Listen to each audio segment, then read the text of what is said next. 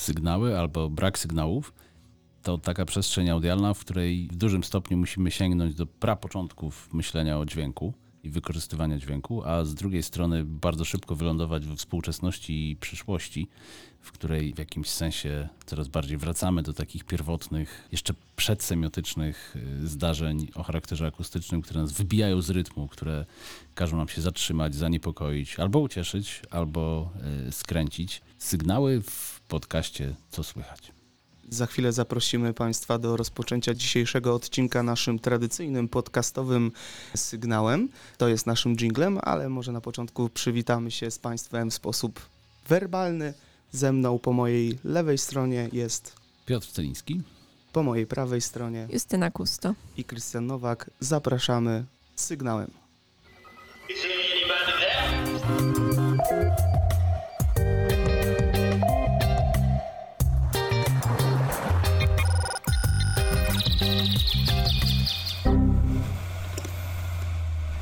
Co słychać? Podróże po dźwiękach, foniach i mediach. Sygnał dźwiękowy, bo o takim będziemy mówić, czy sygnał akustyczny, to zależy jakiego sformułowania będziemy tutaj używać, może być rozumiany w bardzo wielu kontekstach. No generalnie jest kojarzony z komunikacją niewerbalną, ale w sumie sygnał może być też elementem komunikacji werbalnej, jeżeli to będą krótkie sformułowania. Na przykład au. Albo ojej. Uu. Sygnał dźwiękowy jest też, y, mi kojarzy się z ruchem drogowym i zresztą w definicji, y, którą znalazłam w słowniku, jest to właśnie, sygnał dźwiękowy jest tłumaczony jako element obowiązkowego wyposażenia pojazdu, który ma służyć do ostrzegania innych użytkowników dróg. Sygnał dźwiękowy jest też używany w różnych sy sytuacjach alarmowych, na przykład w różnych katastrofach, y, aby ostrzegać, czyli podobnie jak w na drodze, mamy ostrzegać innych, e, innych ludzi. W zasadzie mówiąc o sygnałach drogowych, sygnałach alarmowych, tych, o których Justyna wspomniałaś, moglibyśmy się odnieść do samej komunikacji, komunikacji, której możemy której rozróżnia się czasem komunikację za pomocą sygnałów właśnie i za pomocą symptomów. E, komunikacja za pośrednictwem sygnałów to komunikacja, która zakłada świadomość nadawcy, że owe sygnały wysyła, a więc e, moglibyśmy powiedzieć również idąc troszkę dalej, że te nasze sygnały to pewnego rodzaju komunikaty, które świadomie wysyłamy wraz z zapisanym, przypisanym do danego sygnału znaczeniem. I stąd wiemy na przykład, że jeżeli e, na drodze pojawi nam się sygnał dźwiękowy pojazdów uprzywilejowanych, no to musimy zrobić e, miejsce tak, żeby ten samochód mógł, mógł przyjechać. A więc komunikacja z sygnałami, zobaczcie, bardzo konkretnie prowadzi nas w jedno miejsce miejsce społeczności, miejsce umów społecznych. A więc sygnały, komunikacja sygnałowa to bardzo, moglibyśmy powiedzieć, ważny czynnik społeczno-twórczy, wspólnototwórczy. No ale to pewnie nie jedyne rozumienie y, sygnałów, które moglibyśmy wziąć pod uwagę, bo to, o czym Krystian mówiłeś, już zakłada e, właśnie rodzaj jakiejś umowy społecznej, pewnych kodów komunikacyjnych, które powodują, że określone dźwięki określone zdarzenia audialne od razu przyporządkowujemy pewnym skojarzeniom kulturowym, czyli wiemy, co się za nimi, za nimi kryje. Słyszymy karetkę i mamy w głowie instrukcję obsługi do tego dźwięku, która polega na tym, żeby zjechać z drogi, e, być uważnym, ustąpić pierwszeństwa itd. Tak itd. Tak Natomiast wydaje się, że mm, e, świat obfity jest również w dźwięki, które są e, no właśnie w pewnym sensie przedkulturowe, czy pochodzą sprzed, sprzed momentu umowy. I, ich oddziaływanie jest również takie sygnalistyczne, ponieważ sygnalizują coś, ale w zupełnie inny sposób. Znaczy nie na poziomie rozsądkowym, nie na poziomie skojarzeń właśnie kulturowych, tylko mocą swojego brzmienia, mocą swojej, swojej obecności w przestrzeni akustycznej dają nam właśnie nie tyle do zrozumienia, co do poczucia, że coś się dzieje. Na przykład piorun albo na przykład jakiś huk, y, który świadczy o tym, że coś y, niedobrego się dzieje y, w pobliżu. To są również dźwięki intymne, takie, które nie układają się jeszcze w zdania czy, czy, czy, czy wyrazy, ale które świadczą o różnych reakcjach organizmu na pewne rzeczy. Au, od którego zaczęliśmy, u, które, które pewnie gdzieś też w wielu miejscach na świecie daje się zastosować jako, jako taką e, reakcję związaną ze zdumieniem No ale to już wchodzę w znaczenia, to też, to też niepotrzebnie. W każdym razie są też takie dźwięki, są też takie sygnały, które wysyłamy i odbieramy ze świata, a które y, mają charakter, działają na nas, reagujemy na nie na poziomie bardziej fizjologiczno-fizycznym niż na poziomie y, rozumności i znaczeń. To tutaj m, może szybko nawiązałabym tylko do tego rozróżnienia, bo oczywiście korzystając z tego, czym się interesuję, czyli ekologią akustyczną, właśnie to rozróżnienie na dźwięki, które muszą być umiejscowione w jakimś kontekście, czyli na przykład y, dźwięk karetki, a dźwięki, które na przykład wydaje nasze ciało, to będzie w ekologii akustycznej nosiło inną nazwę. Mm, Te dźwięki wyabstrahowane z tła, czy w ogóle dźwięki bez kontekstu, albo z kontekstem, który jest nieznany całej społeczności, tylko dla niektórych osób, to będą obiekty dźwiękowe. Natomiast e, dźwięki ze swoim kontekstem to już będą zdarzenia dźwiękowe. I potem w skład zdarzeń dźwiękowych mogą wchodzić właśnie e, bohaterowie naszego dzisiejszego odcinka, czyli właśnie sygnały dźwiękowe. O tym mogę jeszcze później poopowiadać, bo te rozróżnienia są ciekawe i w sumie nie stosuje się ich w takim ogólnym użyciu, a wydaje mi się, że może być to pomocne, szczególnie jeśli rozmawiamy na taki temat. To, to by oznaczało, że zapraszamy Państwa, czy gościmy Państwa w podcaście, w którym y, z obiektów dźwiękowych mamy nadzieję przechodzić do zdarzeń dźwiękowych Tak, i do sygnałów. i do sygnałów. To, co jeszcze łączy mi się z tym, co powiedzieliście, to tak przyszło mi do głowy, że być może sygnały powinniśmy w takim ogólnym znaczeniu traktować jako obiekty dźwiękowe, które gdzieś tam nie chcą się poddać e, temu wszechobecnemu blurowi, posługując się językiem kategorii e, wizualnych, czyli są to dźwięki wydobywające się z cienia pejzażów dźwiękowych, audiosfer, określonych e, sfer, chociaż same mogą być niejednokrotnie częścią tych audiosfer, ale zdecydowanie to są dźwięki, które chcą grać główne skrzypce i jak najbardziej uderzać w swojego słuchacza. One wręcz chcą y, wybić nas z poczucia komfortu świata akustycznego, który nas otacza, czyli inaczej mówiąc, zaprzeczyć szumowi, zaprzeczyć ciszy i stać się dla nich jakimś rodzajem zupełnego przeciwieństwa, czyli być tym y, ewenementem, wyjątkiem, wypadkiem, przypadkiem, który spowoduje, że y, jesteśmy jakby olśnieni, ale to nie jest dobre słowo, jesteśmy odźwięczeni y, zdarzeniem.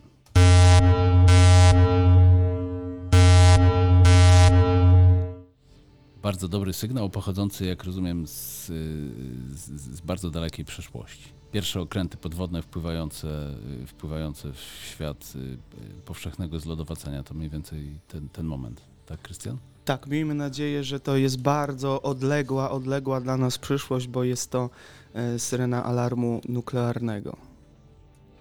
A no właśnie, bo wojna to jeden z kolejnych kontekstów, które tutaj y, powinny się pojawić, a być może y, ona jest w zasadzie pretekstem dla całej naszej rozmowy, bo wojna to moment, kiedy y, wydarzenia dźwiękowe nabierają y, po pierwsze nie, niezwykłego temperamentu, a po drugie y, również pojawiają się w takim zagęszczeniu, którego nie sposób na co dzień znaleźć w innych miejscach i w innych sytuacjach. No ale nie będziemy mówili tylko, nie, nie chcielibyśmy przyglądać się czy przysłuchiwać się tylko i wyłącznie dźwiękom, e, dźwiękom wojny. Może zanim e, do nich wrócimy, spróbujmy sięgnąć e, wstecz. Cofnijmy się wstecz, jak to się ładnie mówi. Mhm.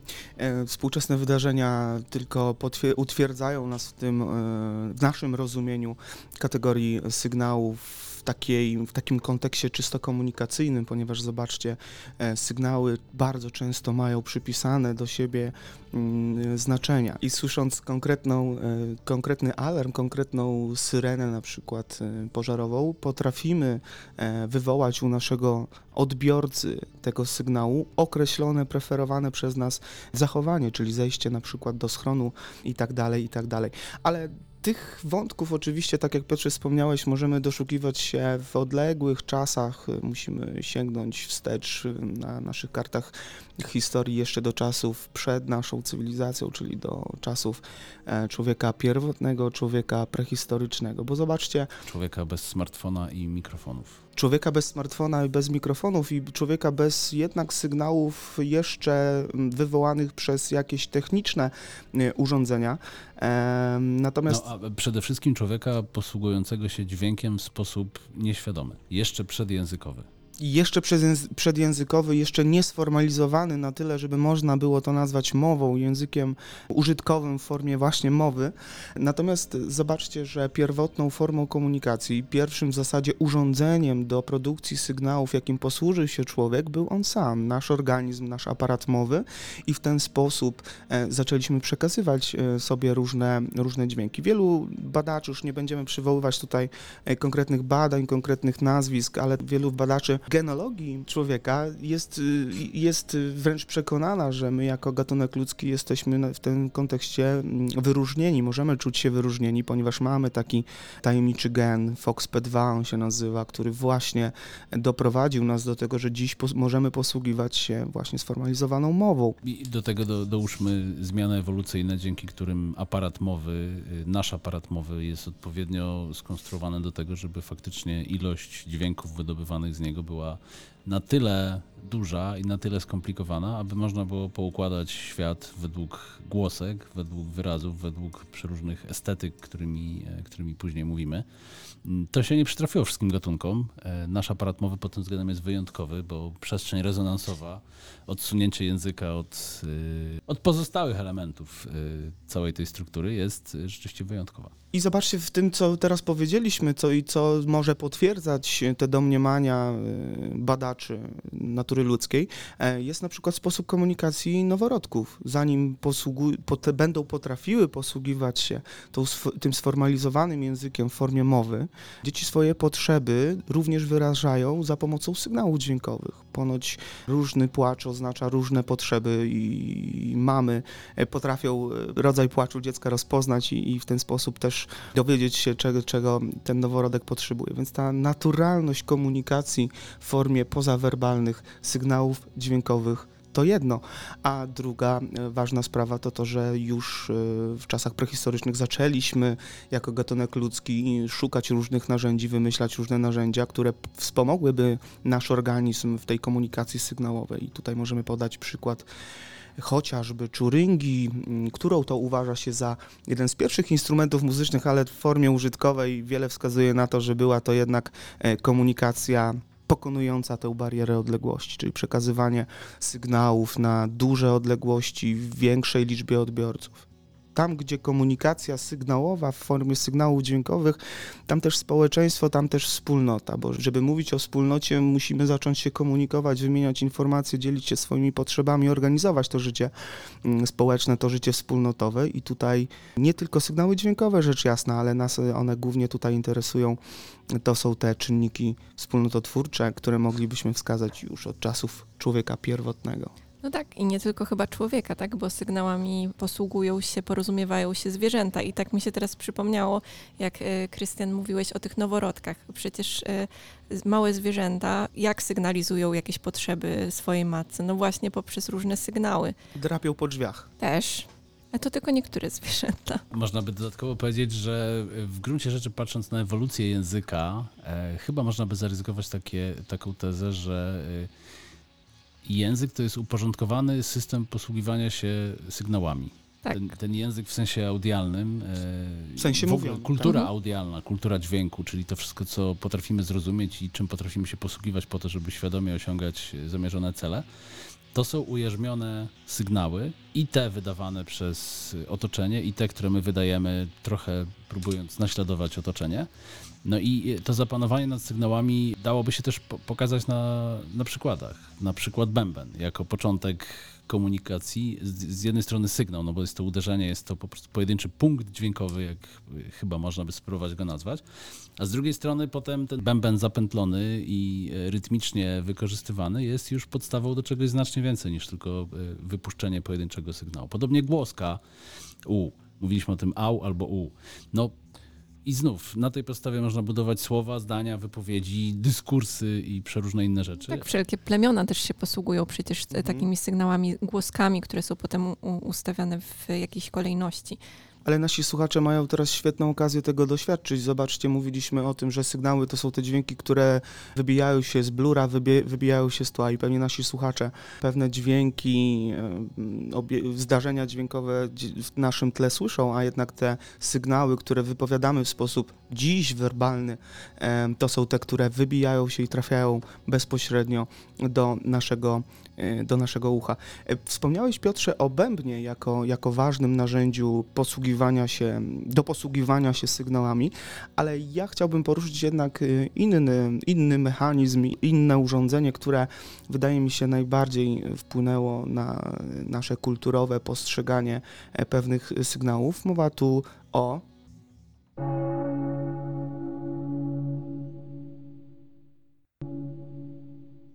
Mowa tu oczywiście o sygnałach dobiegających y, właśnie z wież kościołów, czyli e, sygnałach stworzonych za pomocą e, dzwonów. Dzwon jako to urządzenie, które już od bardzo dawna staje się dla nas bardzo ważną formą komunikacji sygnałowej.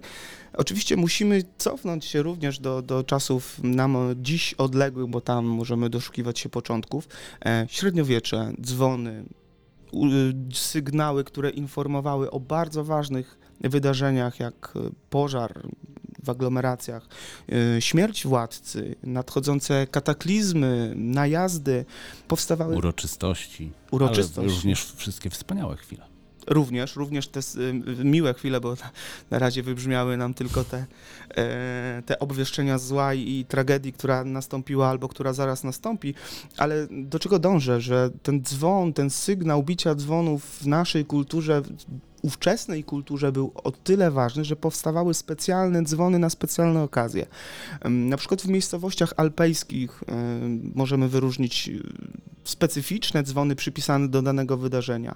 E, nie wiem, czy dobrze przeczytam, ale e, Wetterglocki jako dzwony, dzwon huraganowy tak zwany, albo Donnerglocki, e, dzwony na nawałnicę, czyli konkretne bicie dzwonów posiada konkretne znaczenie zapowiadające konkretną no, sytuację. Nie, nie zapominaj o tych dzwonach, które noszą na, na, na szyjach krowy, milki. To pewnie w zależności od położenia geograficznego te no różne dzwony są. Tutaj Zależy. huragan, tutaj milka. No tak, nasz, nasz europejski świat jest pełen tych dzwonów, e, bo i w tradycji prawosławnej, i w tradycji e, protestanckiej, i w tradycji katolickiej one spełniają funkcję nie tylko taką, o której Krystian mówił, czyli nie tylko porządkują dzień w kontekście wydarzeń, które, które, które, które się zdarzają z nienacka albo albo takich, które wynikają z jakichś tam ostrzeżeń przed żywiołami e, przyrody czy, czy, czy wojennymi, ale są też e, rodzajem, i tutaj się pojawia ten moment chyba trochę takiego uporządkowania, umuzycznienia tych dzwonów, kiedy one zaczynają odgrywać po prostu melodię dnia, kiedy stają się e, jednym z pierwszych zegarów,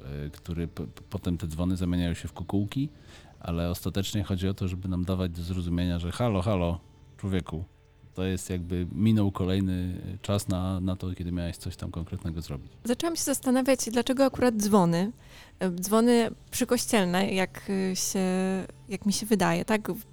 I tak wpadłam na pomysł, że y, prawdopodobnie kościoły dawniej były takim centralnym punktem różnych miasteczek i miast. I wydaje mi się, że kościoły były tym, tym miejscem, które musiało być w mieście. I y, jako ten centralny punkt miasta był też centralnym wyznacznikiem właśnie tych pór dnia czy różnych uroczystości.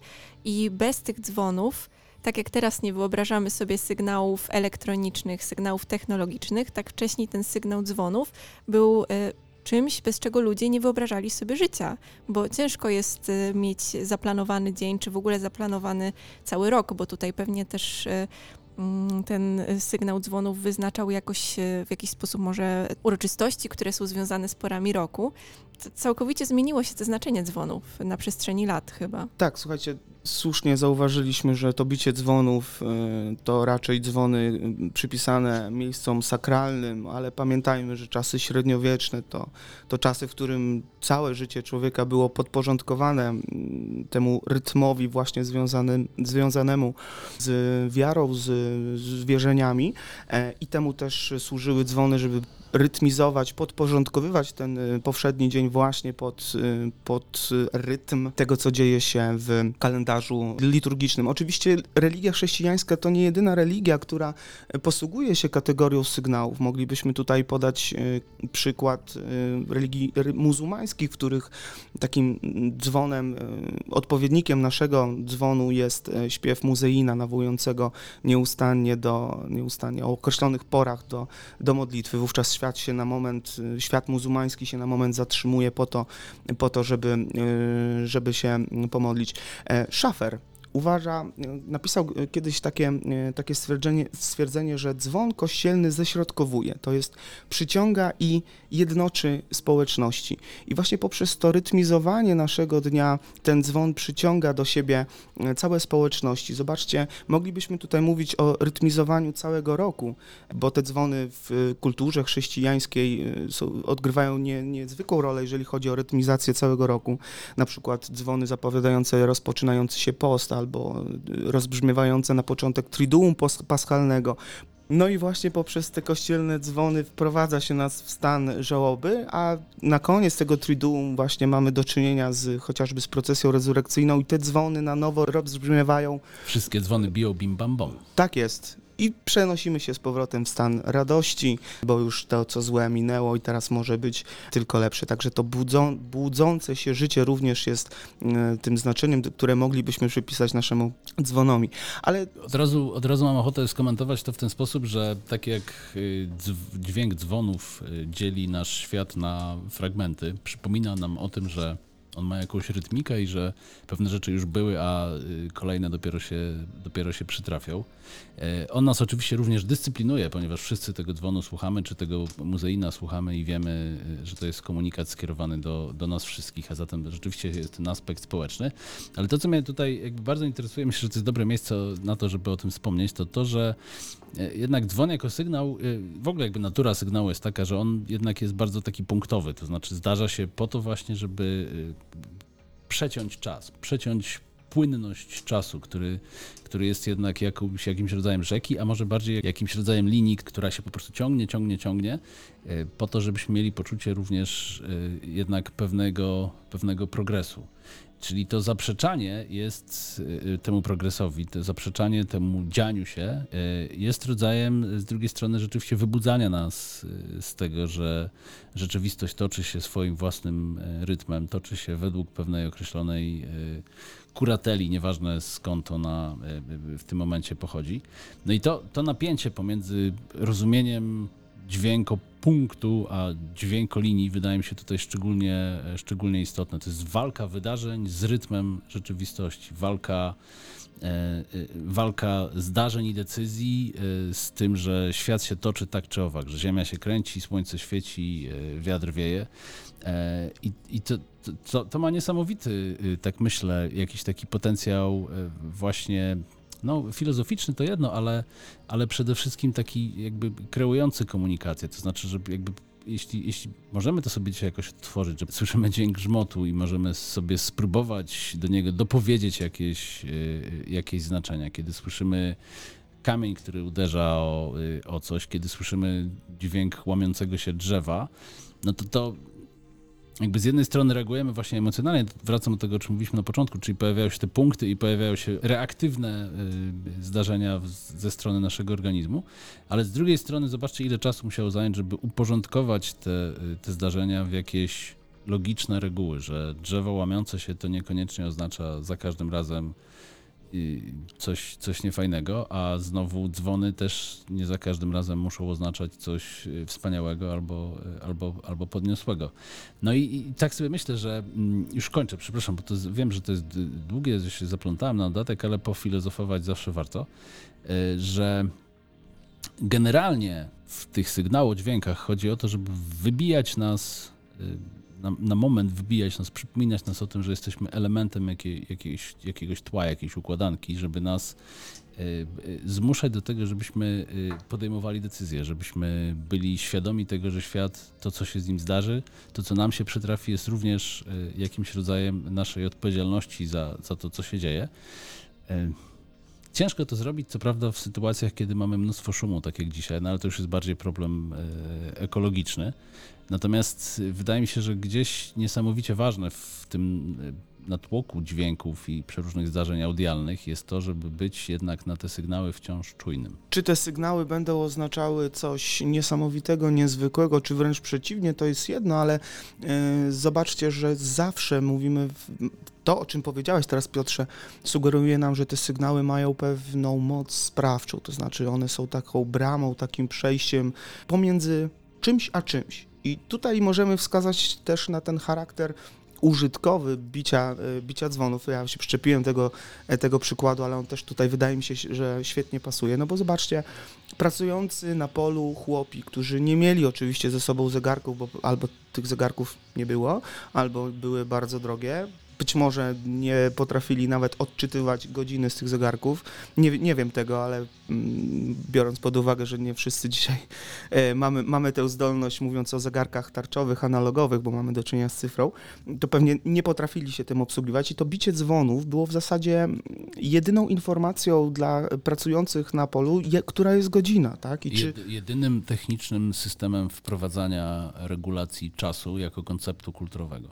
Dokładnie tak. I też wyzna- a propos czasu i konceptu kultu- kulturalnego, kulturowego, przepraszam, no to też wyznaczało, czy jest teraz czas na modlitwę, odpoczynek, y, czy jest czas na pracę. Czyli dźwięk dzwonków pod- podporządkowuje ten rytm dnia Bogu, to jest jedno, ale moglibyśmy tutaj sparafrazować popularne łacińskie mm, stwierdzenie ora or labora, czyli módl się lub pracuj, właśnie w zależności od tego, co wyznacza ci sygnał, sygnał dzwonów. Czyli ten sygnał dzwonów zawsze jest tym elementem, elementem będącym pomiędzy, pomiędzy czasem e, modlitwy, zadumy, odpoczynku, a, pracem, e, a czasem pracy fizycznej, pracy, która już jest mniej skierowana na, nasze, na naszego ducha, a bardziej na nasze ciało. E, I zobaczcie też kolejny, dotarłem do pewnej interesującej mnie informacji. We Flandrii, to jest taka kraina historyczno-geograficzna na terenie dzisiejszej Belgii, Francji, Holandii, wzdłuż wybrzeża Morza Północnego i tam ten dzwon był bardzo ważny w rytmie zwykłych e, robotników, ponieważ był on już na tyle sformalizowany, że statuty i rozporządzenia miejskie wielokrotnie stwierdzały, że wolno pracować tylko w okresie pomiędzy pierwszym a ostatnim dzwonem w ciągu dnia. Pomiędzy oczywiście były dzwony na przerwę obiadową i na każde, każde następne, ale te dzwony zawsze stanowiły tę pewnego rodzaju bramę. Mm, ten sygnał bicia dzwonów był tym symbolem przejścia pomiędzy pracą, odpoczynkiem, pomiędzy sferą części dnia, która jest dla ducha i częścią dnia, która jest dla ciała. Nawiązując do tego, Krystian, co powie... znaczy w ogóle o czym mówiliście, to y, to, co mi się nasuwa na myśl, to to, że te sygnały ma mają ogromną moc sprawczą, o czym powiedzieliśmy, natomiast y, ty, Krystian, poruszyłeś bardziej to, ten sygnał w kontekście rytmizowania, porządkowania dnia, czy, czy pół roku, czy e, jakichś jeszcze innych okresów. Natomiast e, zobaczcie, że sygnał, sygnał dźwiękowy może także wprowadzać chaos i całkowicie właśnie dezorganizować czas, czy, czy jakiś okres czasu. I tutaj wydaje mi się, że to w kontekście wydarzeń, które się teraz dzieją, jest to niezwykle istotne, czyli właśnie alarmów, sygnałów dźwiękowych, które są, um, które wybrzmiewają w czasie wojny czy w czasie konfliktów. I znalazłam tutaj e, na, na portalu Glissando e, artykuł, który jest poświęcony dźwiękom, doświadczeniom e, osób, które były w centrum wydarzeń e, na Ukrainie i które dla większości te doświadczenia dźwiękowe, audialne są znacznie bardziej przejmujące, jakieś takie dotkliwe niż doświadczenia wizualne. E, ten tekst jest dosyć długi i nie będę go przytaczać w całości, natomiast chciałabym tylko fragment tutaj zacytować, żeby zapoznać w ogóle e, naszych słuchaczy z tym, e, ile różnorodnych dźwięków może być równoznacznych z pojęciem sygnału. Eksplozje i działania artylerii to dźwięki, które słyszalne są także w dzielnicach, gdzie toczy się naziemny bój. Już w końcu drugiego tygodnia wojny całkiem dobrze je klasyfikowałem. Przeciągły chrobot ze świstem to rakiety. Najczęściej rakiety uderzały wcześnie o poranku. Bombardowały lotnisko, skład z amunicją, przez pewien czas silnie detonował i bazę paliwową. Ostatni dwukrotnie. Dlatego nad miastem dwukrotnie powstawał słup czarnego dymu. ale nawet ten czarny grzyb w powietrzu tak nie przerażał, jak same dźwięki. I dotarłam też, e, jakby abstrahując już od e, tych dźwięków e, wojny, natomiast nadal pozostając w, w rozumieniu dźwięków jako dezorganiz może właśnie nie dezorganizujących, ale zmieniających, stanowiących przejście do jakiegoś innego. Wybijających z rytmu. Tak, wybijających z rytmu, dokładnie. Y, składających nas do jakiegoś działania. Czyli nadal trochę nawiązuje do tego, co, co Krystian powiedziałeś. To są e, rodzaje alarmów czy sygnałów alarmowych w przypadku różnych zagrożeń. To pojawia się na stronach różnych gmin, e, różnych miast w razie wypadku na przykład alarmu powietrznego, czy w razie wystąpienia alarmu o skażeniach.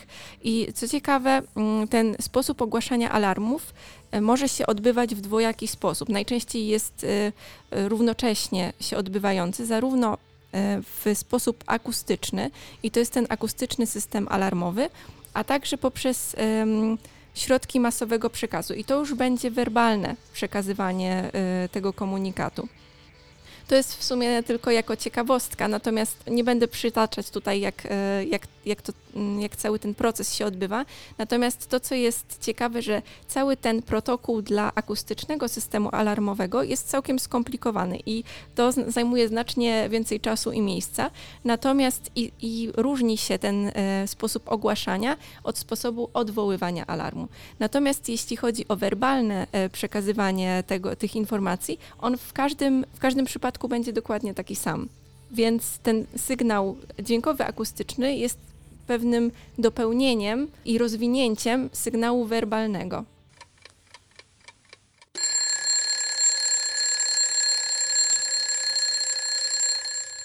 W tym myśleniu o, o, o sygnałach i, i, ich braku w bardzo wiele miejsc y, udało nam się wejść. Y, widzimy sygnały, które więcej znaczą, takie, które mniej znaczą, takie, na które reagujemy fizjologicznie i takie, na które reagujemy przede wszystkim y, psychologicznie i kulturowo. Jest na w tym, co mówiłaś przed chwilą, pojawia się ten moment, kiedy widać, że twórcom sygnałów, którzy chcą mieć rzeczywiście skuteczność komunikacyjną, e, wypada pracować na obu tych polach jednocześnie. Natomiast mnie jeszcze w tym wszystkim e, brakuje, ale to już tak może bardziej w ramach podsumowania tego wszystkiego, co powiedzieliśmy, że polskie rozumienie kategorii sygnał jest takie mi się wydaje bardzo ścisłe, to znaczy rzeczywiście odwołuje się do tych sygnałów dźwiękowych. Natomiast y, gdybyśmy y, mm, wzięli pod uwagę język angielski, to zobaczcie, że signal to noise to zawsze jest taka kategoria jakby bardzo, bardzo szeroka, że ten sygnał to jest w ogóle to wszystko, co, emituje, co emitują na przykład media. E, to jest to wszystko, co, czym wymieniają się między sobą, czym wymieniają się między sobą urządzenia elektroniczne po to, żeby w ogóle pracować. Czyli ten sygnał byłby czymś w rodzaju w ogóle jakiejś obecności komunikacyjnej, e, która jest przeciwwagą dla braku takiej obecności, czyli to jest no, ta słynna sytuacja y, zera i jedynki, której jeden jest jednak obecnością sygnału, a zero jest brakiem, e, brakiem sygnału. No i to by oznaczało, słuchajcie, że myśmy ten sygnał chyba rzeczywiście jakoś udomowili i utechnicznili, to znaczy w ogóle samo to pojęcie sygnału, co by z jednej strony oznaczało, że y, no, musimy pracować w oparciu o ten koncept, bo bez tego nie ma żadnej możliwości komunikacji, nieważne czy audialnej, czy jakiejkolwiek innej. Ale z drugiej strony to by oznaczało, że y, prawdopodobnie to, to, to znów jest wypowiedź pod kątem ekologii y, akustycznej. To by oznaczało prawdopodobnie, że w ogóle sygnały dzisiaj jako takie, coraz trudniej o sygnały, ponieważ y, im więcej dźwięków, z którymi mamy do czynienia na co dzień, im więcej przeróżnych środowisk audialnych, w których przebywamy, tym ciężej e, pojedynczym dźwiękom mieć takie, e, taki efekt i takie znaczenie, że one są w stanie nas na chwilę choćby oderwać od, e, od tego, co się wokół nas dzieje. Dla przykładu weźmy karetkę pogotowia, która przejeżdża. Ja na przykład mieszkałem w miejscu przez jakiś czas, w miejscu, w którym niedaleko był szpital. I pamiętam dobrze, że w pewnym momencie ja w ogóle nie, nawet nie byłem w stanie stwierdzić, że karetka gdzieś, Miałam dokładnie gdzieś, tak samo. Gdzieś tam mm. jedzie. I to, to by oznaczało, że na te sygnały powoli stajemy się mniej czuli, a może bardziej głusi. To też trochę tak jak w przypadku y, horroru, który na początku oglądając go pierwszy raz y, nasz, nasz przeraża, wywołuje y, zamierzony efekt w nas jako widzach, jako odbiorcach, a z każdym kolejnym razem on już coraz mniej do nas przemawia, coraz mniej do nas uderza. Niemniej jednak no, powinniśmy zwracać uwagę na, na sygnały dźwiękowe różnego rodzaju. Może to też jest dobry moment, żeby poszukać tak podsumowując, też już powoli lądując, um, tych, od, tych odpowiedników, odpowiedników tego wszystkiego, o czym powiedzieliśmy w świecie e, współczesnym, w czasach współczesnych, bo tak czepiliśmy się tych czasów przeszłych i zaprzeszłych, e, biorąc pod uwagę język angielski. No, może to też troszkę dlatego, że bardzo byśmy się bali, gdyby, gdyby i nas zaczęły gdzieś tutaj z, dookoła e, raczyć dźwięki wybuchów, e, strzałów, e, krzyków to by było przerażające, ale e, coś mi się zdaje, że to mogłoby przywrócić nam na chwilę, otrzeźwić nas i przywrócić nam wiarę w rzeczywistość. Ponieważ są to sygnały, z którymi nie mamy do czynienia na co dzień, dlatego one jeszcze posiadają tę moc e, sprawczą. E, czytałem e, jakiś artykuł niedawno, który zawierał relacje osób, które doświadczają tych sygnałów alarmowych regularnie i, i tam padło takie stwierdzenie, które bardzo, bardzo mnie zainteresowało, że w tym momencie te osoby już nie muszą słuchać tych sygnałów, po to, żeby. I one wiedzą, co mają robić. Wiedzą, że, e, że za chwilę nastąpi zdarzenie, które zmusi ich do, do przerwania swojej e, codziennego rytmu i do, do zejścia do schronu. Więc na pewnym, na pewnym etapie też jesteśmy, no właśnie, tu jest taka konkluzja tego wszystkiego, o czym chcę powiedzieć, że na pewnym etapie jesteśmy się w stanie do sygnałów przyzwyczaić.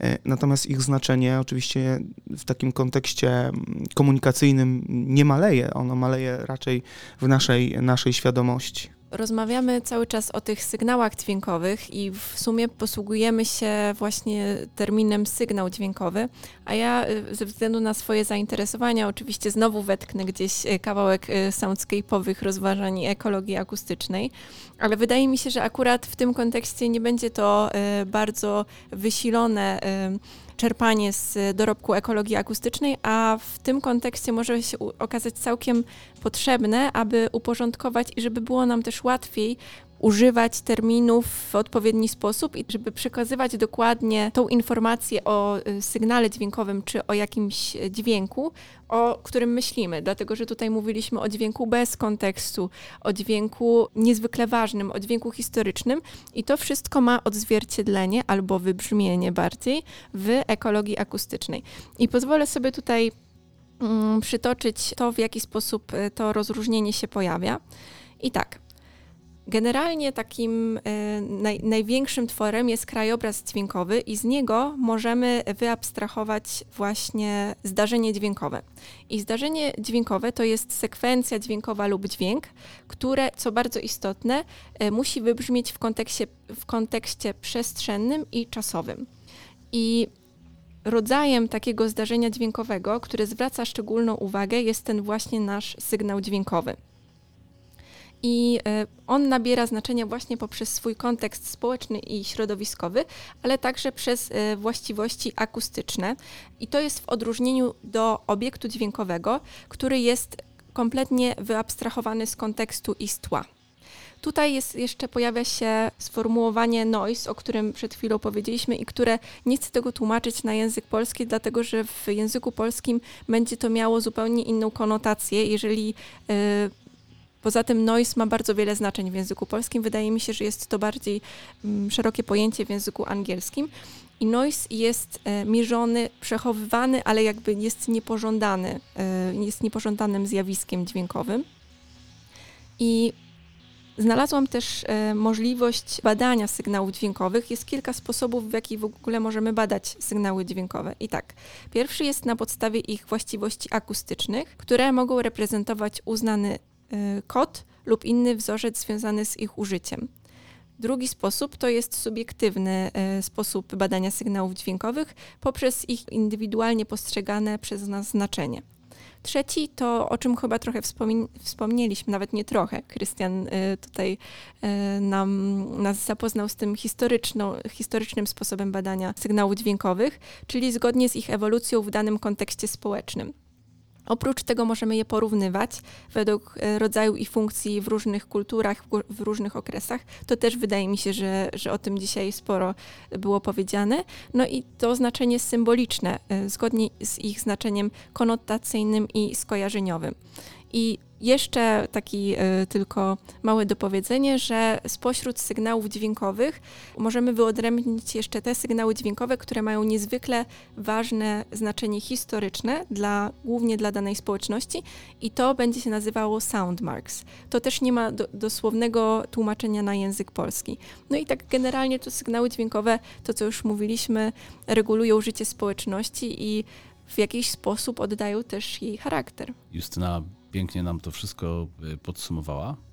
W takim razie chyba pora na to, żebyśmy dali sobie sygnał do odwrotu.